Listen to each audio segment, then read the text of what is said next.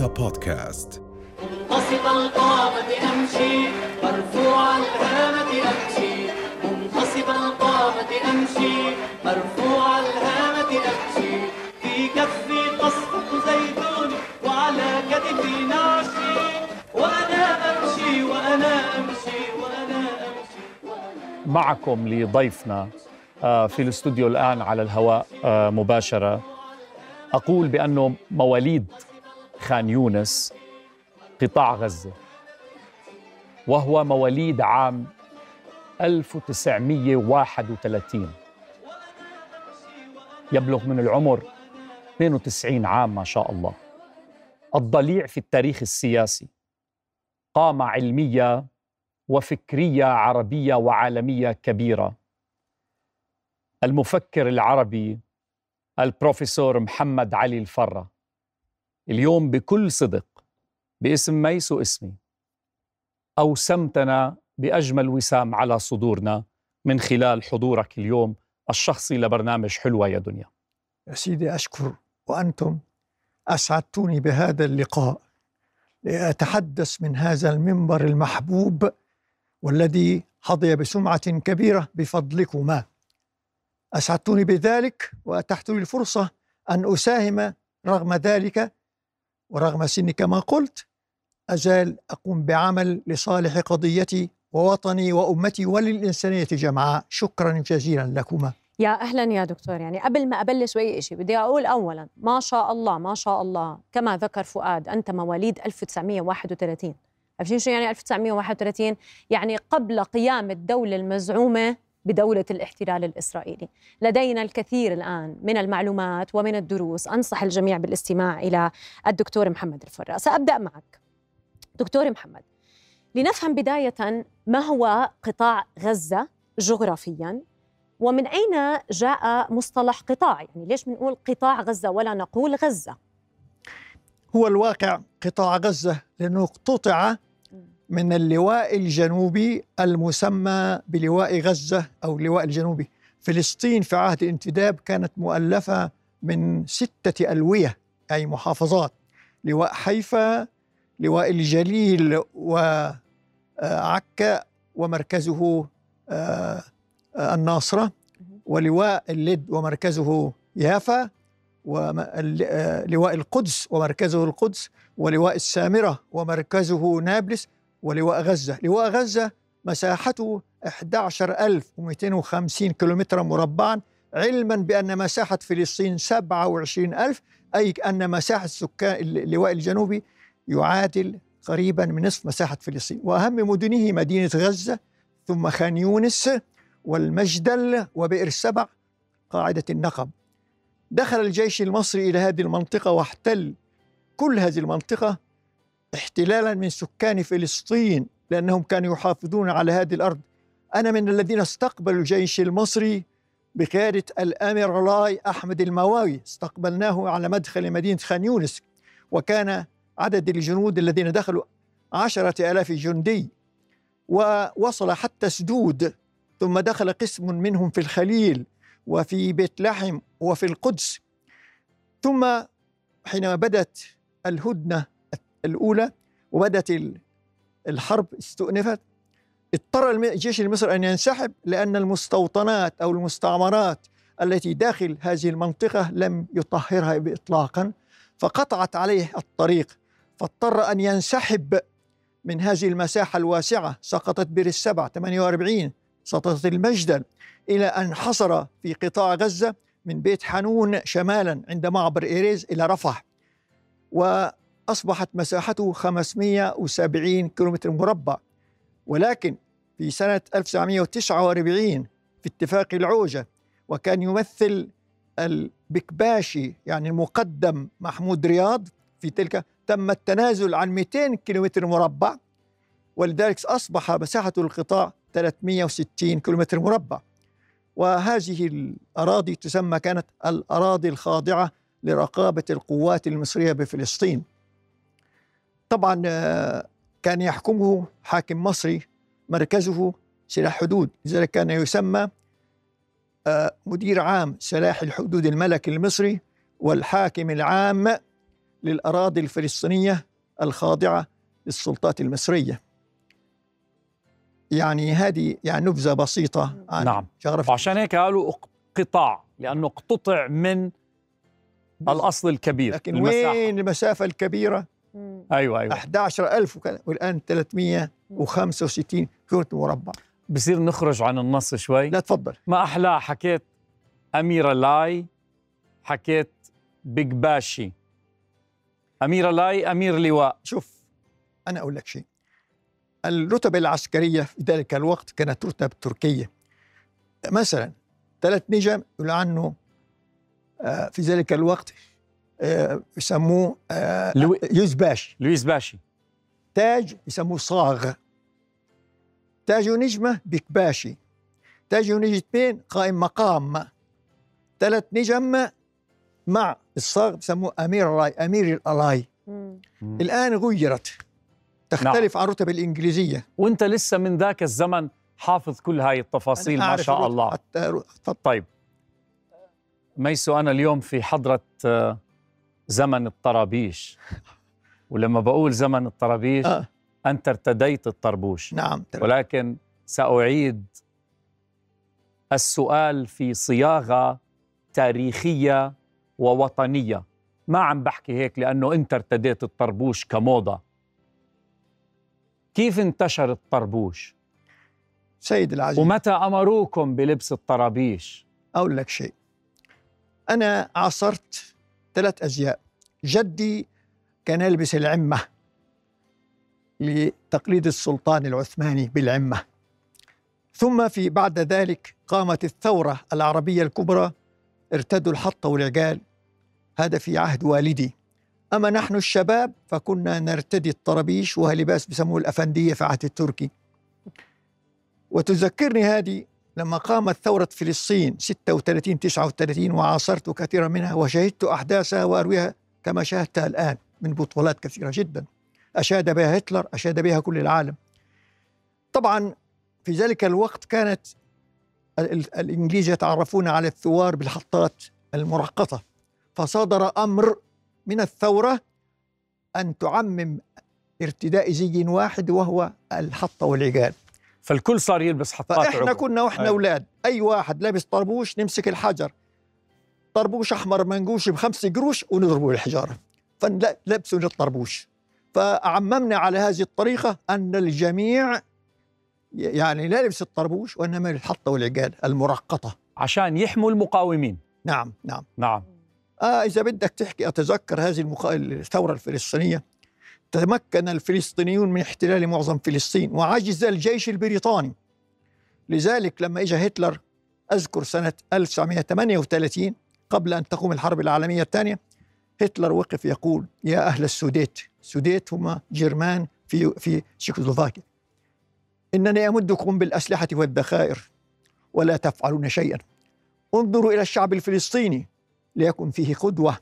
شعب تعداده دون المليون نسمة يحرر فلسطين مناطق كثيرة من فلسطين ويعجز الجيش البريطاني وهي إمبراطورية بريطانيا العظمى التي لا تغيب عنها الشمس يعجز عن التغلب عليهم فيضطر أن يستعينوا برئيس أركان الجيش البريطاني جنرال ديل لكي يقهر هذه الثورة فما يستطيع لدرجة لما طلع واحد نوح يقول يا مستر دبرها يا مستر دل دبرها يا مستر دل في نفس الوقت كان وزير عملية العراق محمد حيدر رستم جاي من أوروبا وألقى مؤتمر صحفي في لبنان أذكر أنه قال كنا نذهب إلى أوروبا ونتحاشى أن نقول عربا ولكن بفضل ثورات عرب فلسطين رفعنا رأسنا وصرنا نعتز أن نقول نحن عرب.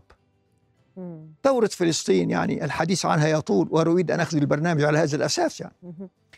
طيب نعود آه، أو نذهب معك في محور آخر وهو محور مهم جدا. الآن يتم تداول هذا الحديث بما يتحدث آه، عن آه، توطين الغزيين الفلسطينيين في سيناء. هذا المشروع ليس بالجديد وهذه الفكرة ليست بالجديدة فهي فكرة قديمة جديدة وتتكرر مع الأحداث المتكررة التي تحصل في غزة آه، بالتحديد. كان لك مشاركة في المظاهرات ضد مشروع توطين الغزيين الفلسطينيين في سيناء وهذا كان منذ سبعين عاما. فما تعليقك على هذا الموضوع في سنة 1950 كنت طالبا في جامعة فؤاد الأول وكنت في إجازة إلى خان يونس. طلع مشروع سيناء كان يسموه مشروع جوردن كلاب وهذا خبير أمريكي عمل هذا المشروع. لتوطين الفلسطينيين في سيناء. وذلك بعد النكبة بثلاث سنوات. فقمنا بمظاهرات حاشدة. نرفض هذا التوطين ولا أن نريد أن نخرج من أوطاننا. سنة 55 جاء مشروع جونسون. يعرض شراء أرض سيناء لتوطين الفلسطينيين وأيضا في في الأردن نفس الشيء. إذا مشاريع التوطين هذه ليست جديدة. نعم. وإذا أردت أن أستكمل في هذا الموضوع طبعا نتنياهو بيعلن أنه في حربه على غزة يريد أن ينهي على حماس وأن يحرر رهائن هذا كلام غير صحيح. هو أولا لن يغلب حماس مش لا من حماس ولا من فتح لكن حماس فكر فكر مقاوم. وكل فلسطيني يحمل هذا الفك الفكر سواء كان حماس أو كان فتح أو الجهاد الإسلامي. لماذا؟ لأن إسرائيل بأعمالها الاستفزازية تقتل تدمر ترحل. هذه الأعمال لن يقبل بها أحد. فالشعب الفلسطيني ولد مناضلا. والشعب الفلسطيني بالذات غزة قوم الجبارين. انظري إلى ما جاء في القرآن الكريم. لما جاء بنو إسرائيل مع موسى ادخلوا الأرض المقدسة التي كتب الله لكم. هنا الشعراوي بيقول كتب الله لكم ليس معنى كتبها لكم. يعني طوبها لا كتب لكم دخولها. زي ما أجي أقول الله يكتب لك الحجة. الله يكتب لي أني أنا أصلي في الأقصى بالوفاة.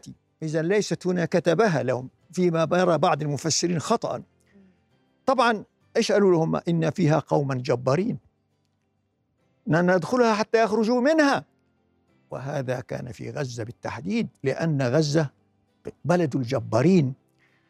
شيء ثاني نتنياهو قبل فترة مع أنه هو علماني بعيد عن الدين جاء استشهد. بفقرة من سفر التثنية. سفر التثنية هو أحد الأسفار الستة اللي بتكونوا التوراة اللي هي التكوين الخروج أو اللاويين العدد التثنية. وهي جزء من الكتاب المقدس المشتمل على 39 سفرا بسموه The Holy Bible Old Testament إيش يقول نتنياهو؟ قال إن الله أمرنا أن نقضي على العماليق.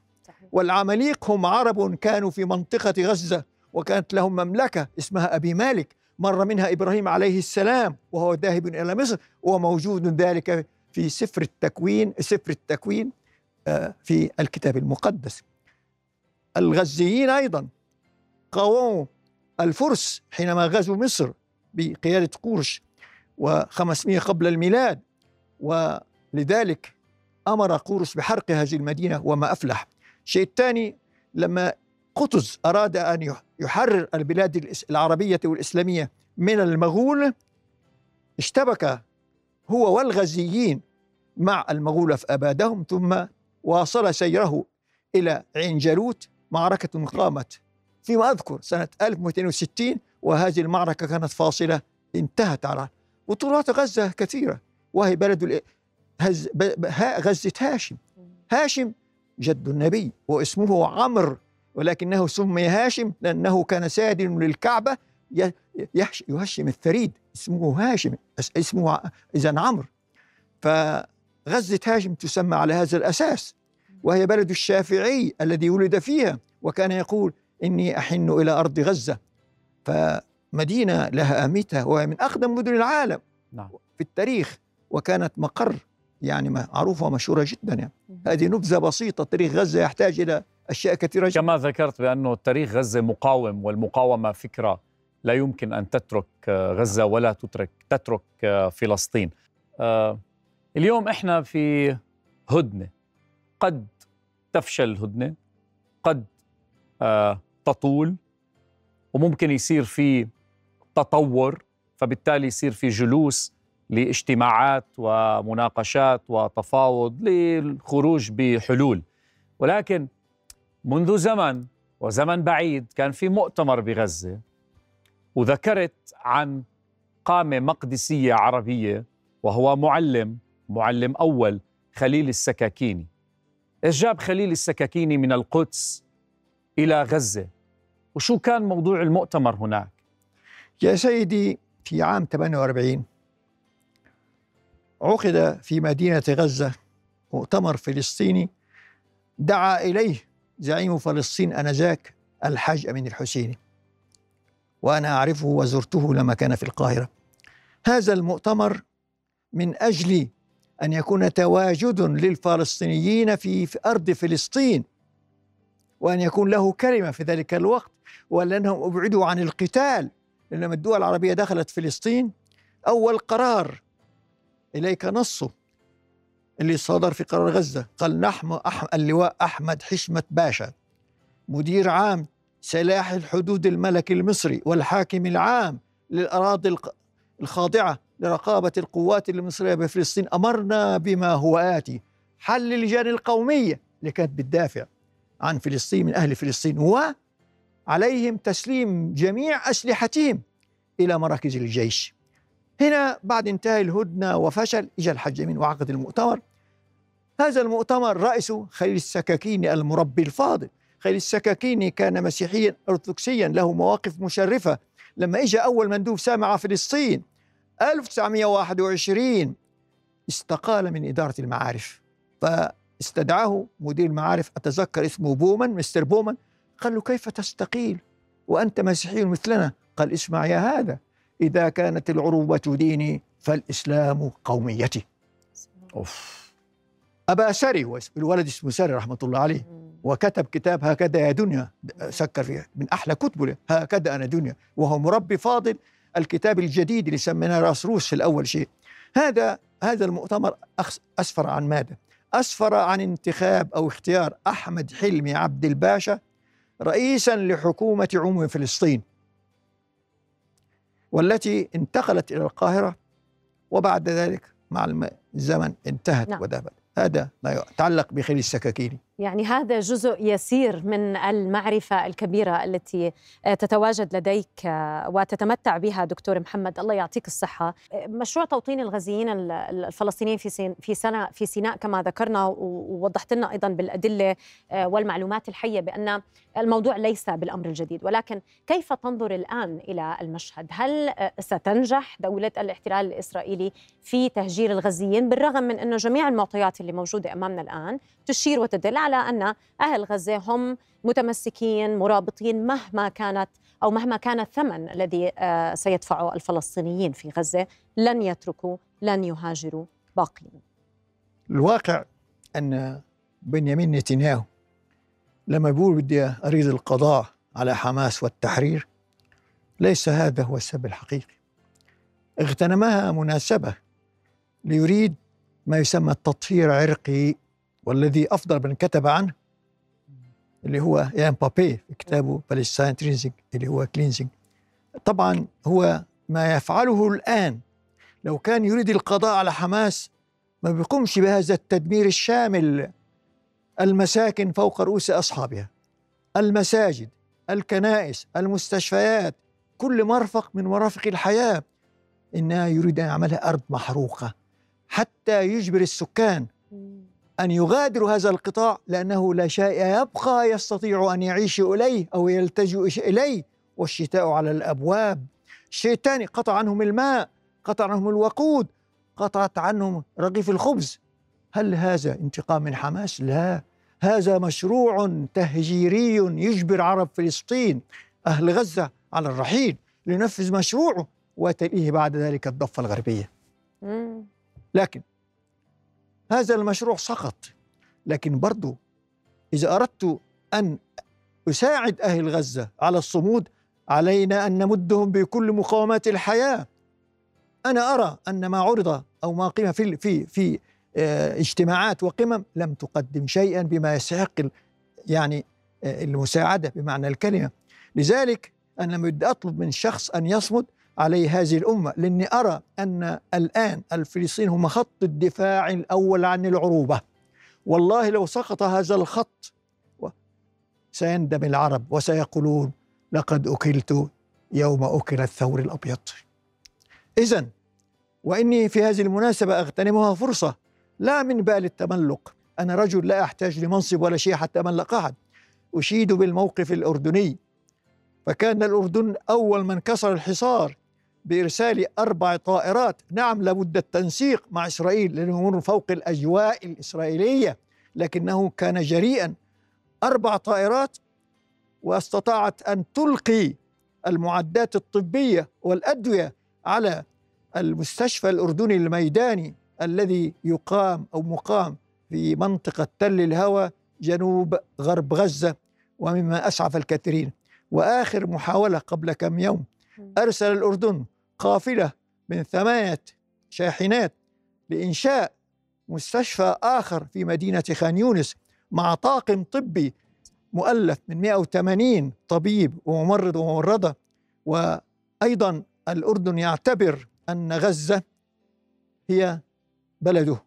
لأنه زي ما قلت لك أنه غزة هاشم لا تزال بغزة هاشم فهو حنين إلى هاشم وإلى غزة وإلى موقف عربي. والأردن حينما يدافع عن غزة يعرف أنه مطموع فيه وفي أرضه.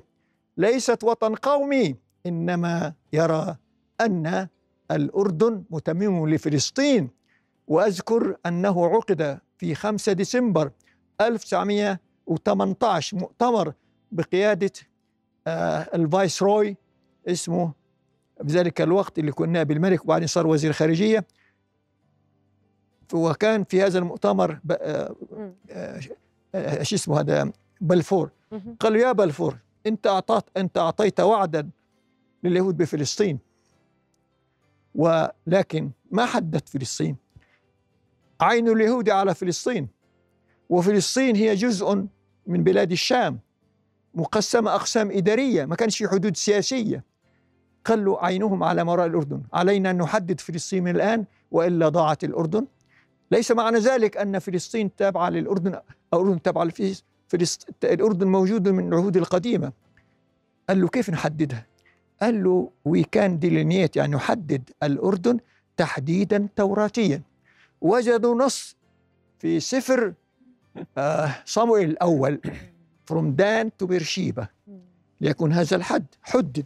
ووضع هذا الحد وحدود. لأنه قالوا الإسرائيليين كانوا موجودين هناك هذه حدودهم. لا نريد أن نعطيهم أكثر من ذلك لكن أطماعهم واسعة عبر الأردن إلى حدود العراق.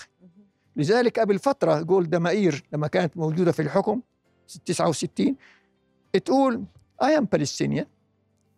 وانبسطوا الفلسطينية لكن مش عارفين إيش قالت بعدها. أيوة. فلسطين I know from the Mediterranean to the Euphrates. بلعوا الطعم بعض الناس. I am Palestinian. إيش بيقولوا لها؟ طب وين the Palestinian? قالت له ديرنا ما فيش شيء اسمه فلسطينيين. صحيح. إنما هؤلاء اختراع من مخترع اخترعه الاستعماريين. لذلك كنت أنكر على المؤرخين العرب والفلسطينيين الذين يبدأون ظهور الشخصية الفلسطينية في أواخر العهد العثماني. وهذا مما جعلني الف كتابي. أنتقد هذا الوقف وقلت ارجعوا لهذا وإلا إسرائيليين ملأوا الفراغ وقالوا أن فلسطين من قديم الزمان يهودية. هذا انتقدته لبعض المؤرخين الذين لم يكتبوا عن تكون الشخصية الفلسطينية منذ الكنعانيين الذين سكنوا فلسطين قبل أربعة آلاف سنة. وهذا بخلينا كونه حضرتك بروفيسور والاختصاص الأول الجغرافيا. يسر جغرافي. وجمعت ما بين السياسة والجغرافيا. وضمن المفاهيم ال- السياسية الجغرافية تاريخيا. نعم وجد شعب يهودي ديانته يهودية ولكن لا وجود لإسرائيل في المفهوم الجغرافي السياسي. سيد العزيز في فرع اسمه الجغرافيا التاريخية historical geography وكان يقولوا geography is the pivot of history هي بتفسر التاريخ. أنا مختص بهذه الأشياء التاريخية والإسرائيليات من أواخر الخمسينيات. وكان لي برنامج. لما فتح التلفزيون الكويتي 63 62 كان لي برنامج أسبوعي مدة ساعة كاملة على الهواء مباشرة يحضر الجمهور كل الجمهور على الهواء مباشرة. وفيه أثبت لا وجود لإسرائيل في التاريخ القديم خدعة. وربما ما اعتمدتش على رأي حتى لا يقال إنني أنا يعني أنتي سيمتزم إنما من بعض الكتب التي أنصح كل إنسان بقراء بقراءتها. كتاب The Invention of Old of Ancient Israel. Silencing the Jewish History. تأليف آه واحد one of the distinguished biblical geography آه آه biblical يعني واحد من التوراتين مشهورين اسمه كينيث وايتلم هذا يقول فيش إيش اسمه إسرائيل قديمة هذه من اختراع التوراة سفر القضاة. وهو كله محشي بالأساطير والأكاذيب. وهذه الأكاذيب أكدها أركيولوجي يهودي في كتابه The Bible Unearthed اسمه إسرائيل فيلكنشتاين ويقول أن هذا ما ورد عبارة عن خرافات وأساطير لا أساس منها الصحة. لذلك جبت الأدلة والبراهين كلها كتب أجنبية أنه لا وجود لشيء اسمه إسرائيل. It is invented يعني مخترعة ولا وجود لها أصلا. شايف؟ لذلك إحنا اللي درسناه بالتاريخ إسرائيل ومملكة إسرائيل وغير ذلك هناك شكك في ذلك. البروفيسور كمال الصليبي أستاذ التاريخ في الجامعة الأمريكية ثم استدعاه الأمير حسن وكان مسؤولا عن أديان وأعرفه أساسا أنكر وجود إسرائيل بفلسطين قال قامت في منطقة عسير في جنوب الحجاز وكانت عبارة عن عن كيان صغير وكيان بسيط وجاب بالأسماء وألف ذلك في كتابه باللغة الإنجليزية. ترجم العربية سنة 80 اسم الكتاب التوراة جاءت من جزيرة العرب. وفي أعتقد واحد عراقي مؤرخ قال أن إسرائيل كانت في اليمن. أنا في جولاتي على اليمن ودراساتي في اليمن. كنت أقود طلبة الجامعة في دراسات ميدانية. تأكدت أن الكيان الإسرائيلي كان في اليمن فعلا لأن وجدت أسماء ومكان بلقيس لما قيل أنها على علاقة بسليمان. لما بقول وجاء وما عن هدهد سليمان ومكث غير بعيد. يعني معناته بين سليمان وبين مقام بلقيس مسافة بسيطة. لكن إيش يقول القرآن عن المسافة بين اليمن وبين فلسطين؟ سيروا فيها ليالي وأياما. إذا المرجح أن يكون هذا الكيان اليهودي البسيط كان في اليمن. ناهيك عن أن مملكة الحمير وهي مملكة عربية اعتنقت الديانة اليهودية وأدخلها التبان دوكا. فلذلك أيضا مملكة سبأ ديانتها يهودية. ولما جاءت المسيحية تحول المسيحية. ولما جاء الإسلام تحول الإسلام. إذا اليهودية ديانة وليست قومية وليست شعبا. في الكتاب أنفي وجود شعب اسمه شعب يهودي. نعم. واعتمدت على مش على هذا كتاب شلومو ساند؟ اللي بيقول The Invention of Jewish People يعني اختلاق. البعض ترجمه اكتشاف أنا الاعتراض على كلمة اكتشاف. الاكتشاف ليس من العدم لكن الاختراع هو محض افتراء. إن هذا في القرآن هذا إلا اختلاق كذب وافتراء. ليس هناك شعب يهودي إطلاقا. فالديانة اليهودية انتشرت. مثل ما يقول شلومو ساند لم ينتشر اليهود ولكن الديانة هي اللي انتشرت. ولذلك تكونت مملكة الخزر في القرن الثالث عشر الميلادي وكانت يهودية. وهذه المملكة حينما تفككت في القرن الثالث عشر طبعا يعني قصة طويلة أريد أدخل في هذا الموضوع. حتى لو كان عندهم يعني حلو أن نستعرض كل هذه النظريات التاريخية العلمية ولكن حتى لو كان في عندهم حكم ذاتي في فترات تاريخية مختلفة ولكن بالأخير هي ديانة. وهذا. دليل هي ديانة وليست قومية. دليل على انتشارهم في بقاع مختلفة من العالم. يا سيدي شوف إحنا ديانة كل آمن بالرسل. لا نفرق بين أحد من رسله. وقالوا سمعنا وأطعنا. غفرانك ربنا وليك المصير. نحن نحترم جميع الأديان. موسى عليه السلام كليم الله. ونحترم عيسى. ونحترم محمد. إذا لا نحارب اليهود لأنهم يهودا. لا بالعكس العصر الذهبي اليهود عاشوا في العصر الإسلامي وخاصة في الأندلس. ولما طرد العرب من الأندلس طرد معهم اليهود أيوة وكان من أشهرهم المفكر وصاحب له تلمود اسمه آه، ورع عن بالي هو. فراح واحتضنوا صلاح الدين وجعلوا طبيبه الخاص ابن ميمون آه، موسى بن ميمون. هذا كان في الأندلس وعاش. ومعظم ال- اليهود الذين عاشوا في الأندلس كانوا يعني العرب استخدموا يعني هم إخوة.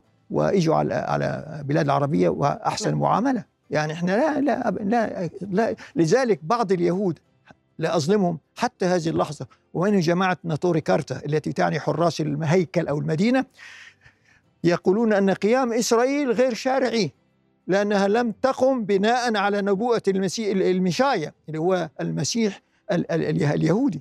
هذا موضوع آه، يعني ندخل فيه واسع نعم. جدا جدا. نعم نعم الحديث يطول بهذا الموضوع. دكتور طيب يعني ما شاء الله يعني هذا الكم من المعلومات الوفيرة التي لديك والحقائق والدلائل بالتاريخ بالجغرافيا بكل ما يتعلق بهذه القضية قضية دولة الاحتلال كما ذكرتها كيان مختلق ودولة مارقة وإسرائيل هي العدو الحقيقي لليهود. هذا يدفعني إلى سؤال.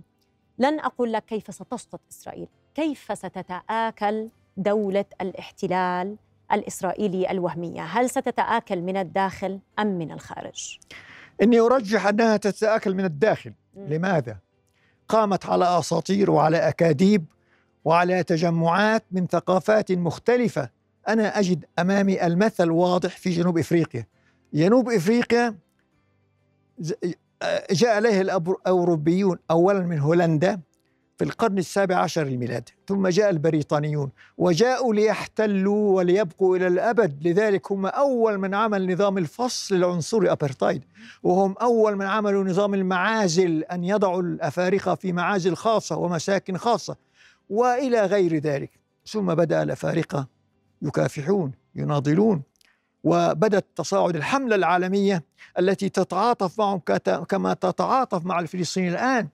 وبناء عليه بعد أربعة قرون. نعم. انهار هذا إفريقيا وحكم مانديلا في حكمه بدأ 1995 لذلك أرى أن الخلاف في في إسرائيل بين العلمانيين وبين المتدينين. لا أقول كل المتدينين هناك نوعان من المتدينين هناك الحريديم يعني الأتقياء منهم يهود أصوليين لا يؤمنون بهذا الكلام. نعم. لكن هناك نعم. يهود دينين تصهينوا.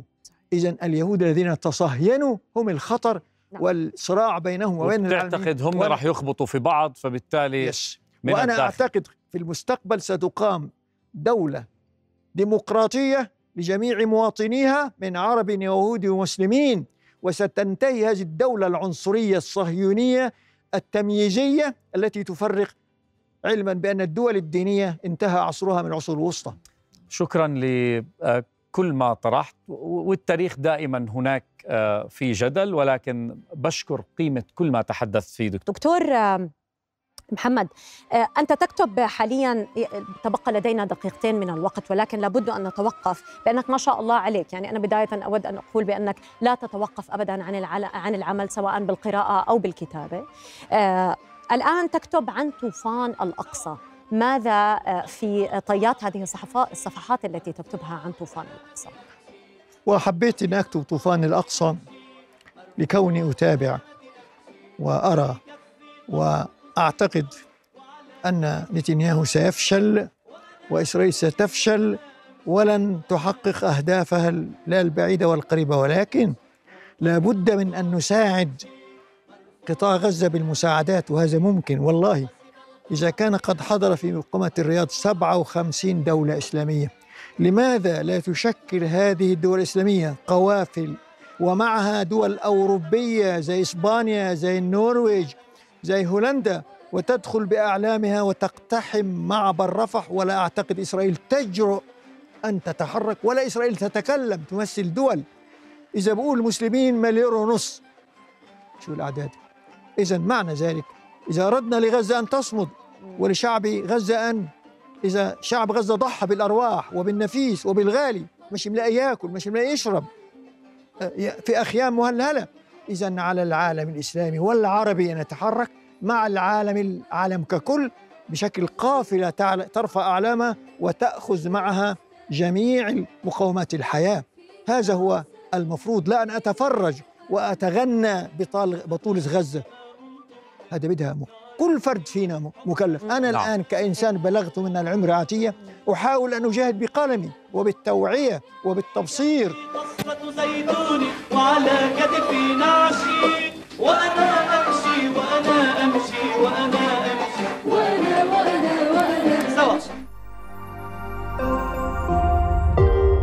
بودكاست.